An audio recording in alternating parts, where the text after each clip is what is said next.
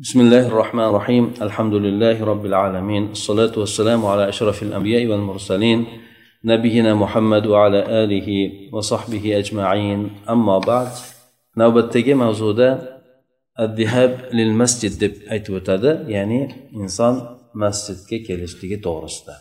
وما بين كل صلاتين تستهدفك ألوان الغفلة والجفوة والقسوة والإعراض والزلات والخطايا فيبعدك ذلك عن ربك وينحيك عن قربه تصير بذلك كأنك تمرت على عبوديته فلم تعد من جملة رعاياه وربما ألقيت بيدك إلى عدوك فأسرك وغل يدك وقيدك وحبسك في سجن نفسك ودنياك وهواك وهو معنى الاحتراق في قوله صلى الله عليه وسلم. aytadiki har ikki namozni o'rtasida deydi. Ya'ni peshin bilan asr bo'lsin asrman shom bo'lsin shomman xuftonni o'rtasi bo'lsin.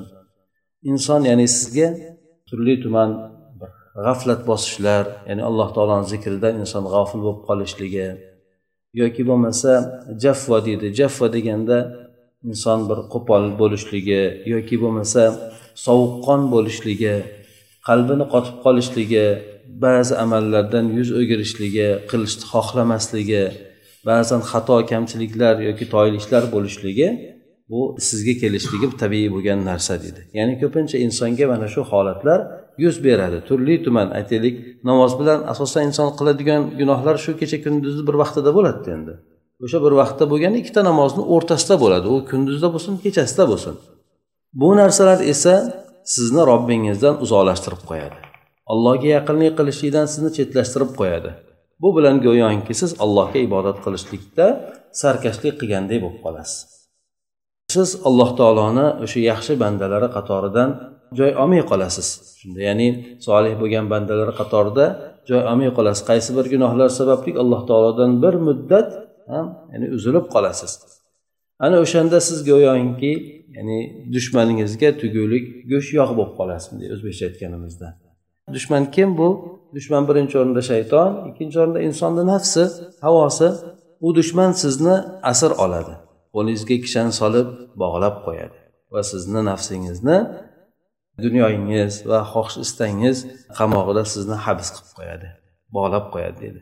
Ya'ni insonni poylab turadida shayton ham ozgina gunoh qiladigan bo'lsa olib ketib qoladi. Shu bilan insonni keyingi ibodatidan to'sishlikka yoki ibodatini samarasiz o'tkazishlikka shayton harakat qiladi. Mana shu narsa deydi payg'ambar sollallohu alayhi vasallamni hadisda kelgan ehtiroq ya'ni inson kuyishligi kuyib qolishligi o'tda yonib qolishligi shuni ma'nosini anglatadi. Payg'ambar sallallohu alayhi vasallam aytadilarki hadislarida tahtariqun tahtariqun faida sollaytumus subha g'osalatha ya'ni sizlar gunohlarga tushib qolaverasizlar gunohlarga tushib qolaverasizlar. Bu yerdagi ibora sizlar kuyib qolaverasizlar degan ma'noda aytiladi lekin bundan murod inson har xil gunoh ishlarga tushib qolishligi. Gunohlarga tushib qolaverasizlar tushib qolaverasizlar bomdod namozini o'qiydigan bo'lsanglar u bomdod namozi gunohinglarni yuvib yuboradi so'ng yana sizlar gunohlarga tushib qolaverasizlar gunoh xatolarga tushib qolaverasizlar yoki g'aflat hech gunoh qilmasa ham inson allohdan g'aflatda bo'lib qoladi. Ba'zi narsalarni qilishlik ko'rishlik sababli qalbi qotib qolishni boshlaydi. Ana o'shanday bo'lgan paytda peshin namozini o'qiysizlar bu ham sizlarni o'sha qilgan kamchiliklaringlarni xato gunohinglarni yuvib yuboradi. Keyin yana gunohlarga tushib qolaverasizlar sizlar gunohlarga tushaverasizlar g'aflat bo'lsaveradi sizlarda asr namozini o'qiysizlar asr namozi ham sizlarni o'sha gunohlaringlarni xato kamchiliklarni yuvib yuboradi. So'ng yana gunohlarga aralashib qolasizlar g'aflat bosib qoladi sizlarni parishon xotir bo'lib qolasizlar yana shom namozini o'qiysizlar shom namozi esa buni yuvib yuboradi.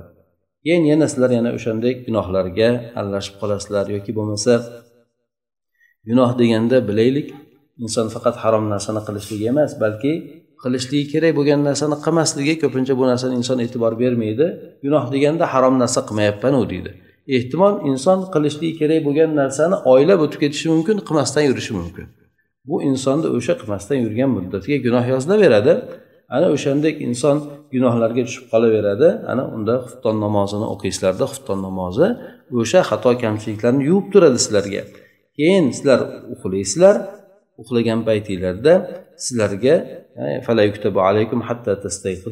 to uyg'onguninglargacha sizlarga yozilmasdan turadi. Ya'ni kecha kunduzda sizlarda sodir bo'ladigan xato kamchiliklar bo'lsin gunohlar bo'lsin namoz o'qishliginglar namoz masjidga borib kelishliginglar shu gunohinglarni hammasini yuvib turadi deb aytib o'tyapti. Albatta bu yerdagi aytilayotgan hadisdagi yuvib turilishligi kichkina gunohlarga nisbatan insonda ishlatiladi. Katta gunohlar uchun esa alohida inson tavba qilishligi zarur bo'ladi. Lekin yana aytiladiki ba'zan inson e'tibor bermagan kichkina gunohlar bo'ladi bu ko'payib ketadigan bo'lsa xuddi katta o't aslida kichkina uchqundan boshlanadi uchqunlarda o'sha kichkina hashaylarni to'planishligi orqali katta o't chiqishligi mumkin o'shandek inson ham kichkina gunohlarni ko'paytirib qo'yadigan bo'lsa insonni bular halok qilib qo'yishligi mumkin ويصبح حظك على الدوام ضيق الصدر ومعالجة الهموم والغموم والأحزان والحسرات ولا تدري السبب في ذلك ya'ni siz mana shu bilan davomiy suratda siz nasibingiz nima bo'ladi? Holatingiz yuragingiz torligi bo'ladi. Yuragingiz siqiladi ancha muncha narsani ko'tarolmaysiz darrov asabiylashib ketadigan bo'lib qolasiz. Har xil g'am g'ussalarni bu narsalarni yana qayg'ular bo'lsin hasrat nadomatlarni boshdan kechirishlik bo'ladi. Mana shu narsalar demak sizda sodir bo'lib turadiyu lekin bu narsalardagi sababni siz bilmaysiz. Bir narsani orqasidan g'am bo'lsa g'am keladi yoki bo'lmasa qayg'u hasrat nadomat bo'ladi yuragi siqilish bo'ladi bu narsalarni sababini bilmaysiz bu narsalarni sababi aytib o'tganimizdek inson ko'proq gunohlarga aralashib qolishligi bo'ladi فاقتضت رحمة ربك الرحيم الودود أن دعاك إلى الصلاة خمس مرات في اليوم تتحرر بها من أسر عدوك ساعة من الزمن بل وربما امتد أثرها إن أديت ما عليك فيها لتتحرر إلى الأبد ana o'shanday bo'lib turgan paytda sizga o'zini suyumli tutuvchi bo'lgan mehribon rahmdil robbingizni rahmati shuni taqozo etadiki sizni bir kecha kunduzda besh mahal namozga chaqiradi. Shunday bo'lib turgan holatingizda. Bu bilan esa siz o'sha dushmaningizni asirligidan bir muddat bo'lsa ham ozod bo'lib qolasiz. Balki bu ozod bo'lishlikni asorati siz o'zingizni zimmangizda bo'layotgan vazifalarni ado etadigan bo'lsangiz to abadul abad ozod bo'lib qolishligingizgacha cho'zilishligi mumkin deydi ya'ni siz o'zingiz zimmangizdagi bo'lgan vazifalarni ado etib yuradigan bo'lsangiz ehtimol bu bir muddat emas balki butunlay siz doimiy suratda dushmaningizdan uzoq yurishligingiz ham mumkin deb aytyapti والعبد في حال غفلته كالهارب من مولاه فإذا جاء إلى الصلاة كان كالعائد إليه والراجع إلى ملكه لكن بأي وجه يرجع banda g'ofil bo'lib turgan paytida allohni zikridan ta'sirlanmasligi e'tibor bermasligi yaxshi bo'lgan amallarga beparvo bo'lib qolishligi yoki ado etayotganda ham beparvolik bilan ado etishligi shunga o'xshagan narsalar. Shunday bo'lib turgan holatida inson xuddi go'yoki robbisidan qochayotgan odamdek bo'lib qoladi. Ana namozga kelgan paytida esa yana robbisiga qaytgan odamdek robbisini mulkiga yana qaytib kelgan odamdek bo'lib qoladi. Ya'ni inson g'aflatda bo'lganda allohdan uzoqlashadigan bo'lsa namozga kelishlik bilan yana allohga yaqinlashayotgan bo'ladi. Lekin qanday suratda inson qaytadi? Qanday suratda qaytsa haqiqatdan robbisiga qaytgan bo'ladi. Albatta bu surati inson hokisor bo'lgan holatida o'zini siniq tutgan holatida bo'lishi kerak. Doimki bu yerda go'yoki inson robbisidan bir muddat yuz o'girib ketgandan keyin yana o'sha robbisini rahmini keltiradigan robbisini unga iqbol qilishligini taqozo etadigan yoki jalb etishlik uchun o'sha siniqlik bo'lgan holatda hamda hokisor bo'lgan holatda robbisiga qaytadi deydi. Demak inson namozga kelayotgan paytda o'zini baland tutib hech kim qilmagan ishni qilib qo'ydim deb emas balki alloh taolo o'sha narsaga muyassar qilganligi uchun go'yoki inson bu yerda alloh taoloni o'sha qilayotgan amali bilan rahmini keltiradigan suratda kelishligi deydi. Masalan aytaylik bir odam keladigan bo'lsa odam o'ziga ham bir holatidan ko'rib turib ay bechora nima bo'ldi? Ha ha deb turib haligi odamga rahmingiz keladi. Ba'zan odamni kelayotganini ko'rib turib e kibr qilib boshqa qilib nima qilib kelayotgan bo'lsa bu o'zini o'zi og'rib qolibdi deb inson ya'ni bee'tibor bo'ladi. Xuddi o'shandek aytmoqchiki bu yerda inson masjidga borayotgan paytda ham xuddi robbisini rahmini keltiradigan darajada bo'ladigan bo'lsa albatta alloh taolo u insonga yana shu bir muddat aytaylik peshindan keyin inson to asrgacha bo'lgan muddatda alloh taolodan uzilib qolganligi sababli alloh taolo yana uni rahmatiga ko'proq olaveradi deydi لهذا كان المجيء إلى المسجد من تمام العبودية الواجبة عند قوم والمستحبة عند آخرين وكان المشي إليه من أعظم الثواب shuning uchun masjidga qatnashlik bu bir qavmlarni oldida ya'ni ko'p olimlarni nazdida bu narsa vojib bo'lgan ibodatni mukammalligidan bo'lsa ba'zi olimlarni nazdida esa bu narsa mustahab bo'ladi. Ya'ni masjidga qatnashlikni hukmi bir toifa olimlar vojib degan bir toifa olimlar mustahab sunnat degan. Ana o'sha narsaga bu kishi ishora qilib ketyapti.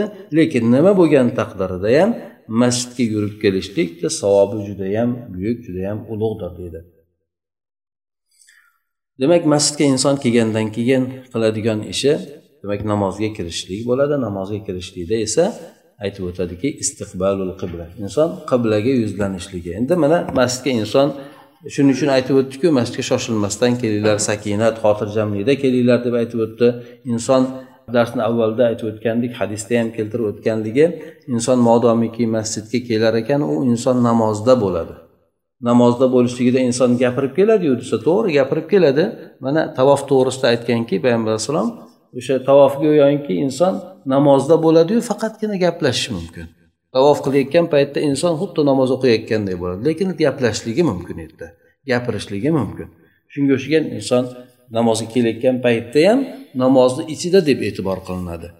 Inson garchi gapirib boshqa qiladigan bo'lsa ham ya'ni inson xotirjam kelsin yugurib shoshilib kelmasin doimki ulgib qolay deb turib kelayotgan inson namozni ichida bo'ladi.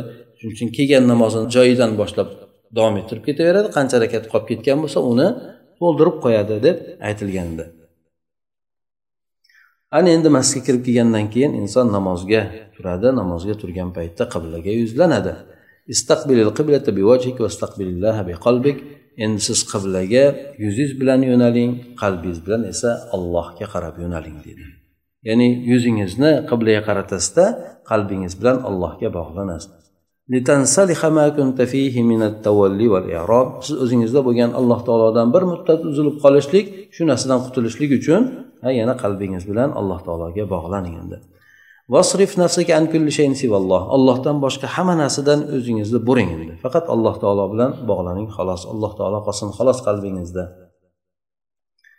والوجه يتبع القلب في التوجه ويأتمر بأمره ya'ni yuz esa inson yuzi bilan tikka qiblaga qarab turadiku yuz aslida yo'nalishda qalbga tobe bo'ladi qalbni buyrug'iga itoat qiladi ya'ni qalb nima buyuradigan bo'lsa yuz o'shani qiladigan bo'ladi shuning uchun qalbingizdan kelgan holatda yuzlaning deydi ثم قم بين يدي الله مقام التذلل الخاضع المسكين المستعطف لسيره عليه ana undan keyin esa siz alloh taoloni huzurida xuddi hojasini rahmini keltirayotgan odamdek ya'ni miskin bechorahol bo'lgan hokisor bo'lgan odamni maqomida turib alloh taoloni oldida namozga kirishing deydi ana o'shanday bo'lib turgan paytda وارفع يديك للتكبير عاليا إلى حذو منكبك بل إلى شحمة أذنيك على هيئة المستسلم ya'ni siz qo'lingizni takbir uchun yelkangizni barobarida yoki qulog'ingizni yumshog'i barobarida xuddi taslim bo'lgan odamni hay'atida ko'taring deydi ya'ni taslim bo'lgan odam nima qiladi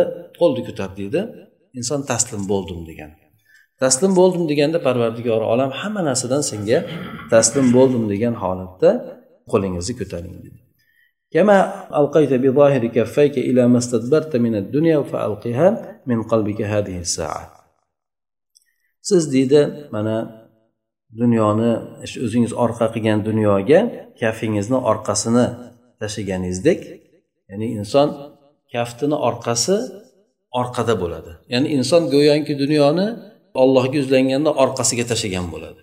Demak kaftingizni orqa tarafini kaftni ich tarafi bu orqa tarafini o'sha orqa qilgan dunyoga qilasiz. Ana o'sha paytda dunyoni qalbingizdan bir muddatga tashlab yuborgan bo'lasiz.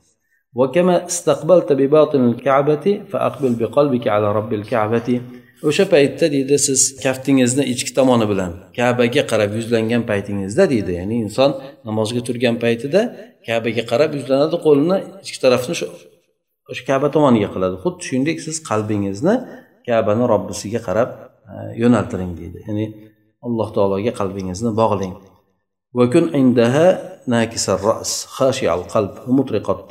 Ana o'shanday bo'lgan paytda boshingizni ham qiling ya'ni boshingizni kibr qilib gerdayib ko'tarmang balki boshingizni quyi qiling ya'ni tavozu bilan turing qalbingiz xushuda bo'lsin mutriqot taraf degani sukunatda bo'ling ya'ni a'zolaringiz hammasini qimillatib yotmang ya'ni a'zolaringiz sukunatda bo'lsin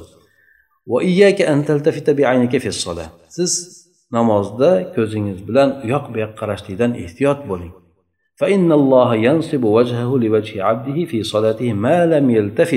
chunki alloh taolo namozda turgan paytida yuzini bandani yuziga qiladi modomiki banda chapga yoki o'ngga qarab burilib ketmaydigan bo'lsa burilib qaramaydigan bo'lsa demak alloh taolo insonga yuzini qilib beradi ولا يزال الله مقبلا على عبده ما دام العبد مقبلا على صلاته alloh taolo banda modomiki namozida allohga iqbol qilib allohga qiziqib shu yo'nalib turadigan bo'lsa alloh taolo ham bandaga iqbol qilib turadi.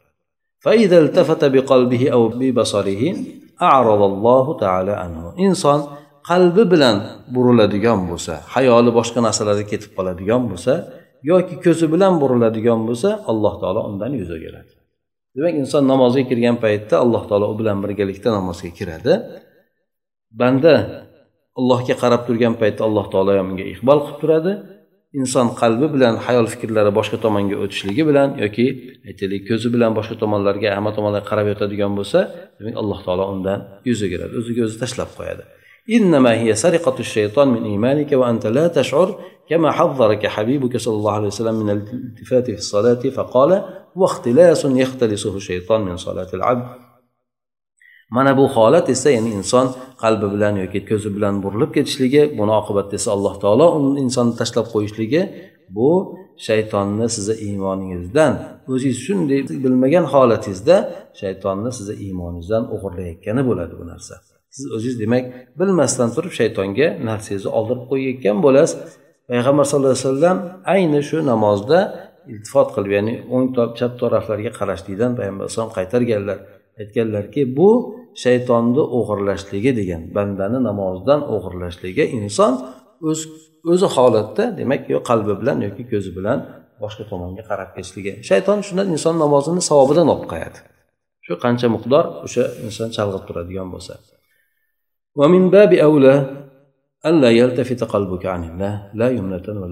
Endi eng muhim bo'lgani shuki qalbingiz alloh taolodan o'ngga ham chapga ham burilib ketmasligidir.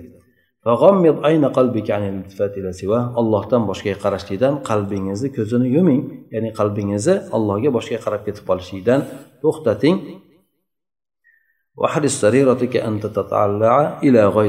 endi ichingizni ollohdan boshqaga intilishligidan saqlang. Alloh taologa xushu qilib qalbingizni hammasi bilan alloh taologa yo'nalgan holatda allohdan boshqaga intilib ketishlikdan qalbingizni saqlang dedi. Aks holda sizga uqubat lozim bo'lib qoladi. Uqubat tushishligi lozim bo'lib qoladi. Agar siz namoz o'qiydigan bo'lsangiz ham bu yerda agar alloh taologa munojat qilib turadigan bo'lsangiz ham balo kelib qolishligi mumkin. Hasan basr rahmaulloh aytgan ekanlarki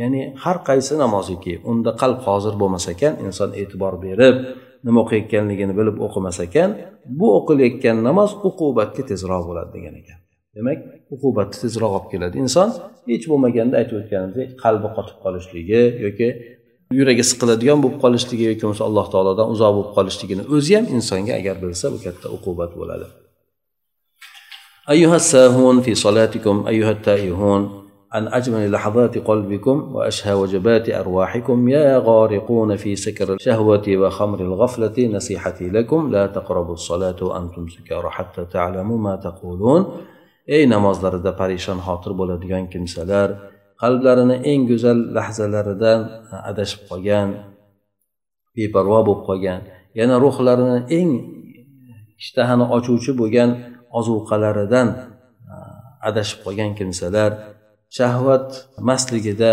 g'aflat mayiga botib qolgan kimsalar ya'ni shahvatni mastligiga g'aflat maylariga botib qolgan kimsalar sizlarga beradigan nasihatim shuki ya'ni namozlarga bee'tibor bo'lib eng aytaylik shirin o'tadigan lahzalardan mahrum bo'lib qolayotgan kimsalar sizlarga nasihatim shuki alloh taoloni so'zlarini keltiryapti la antum hatta ta'lamu ma taqulun.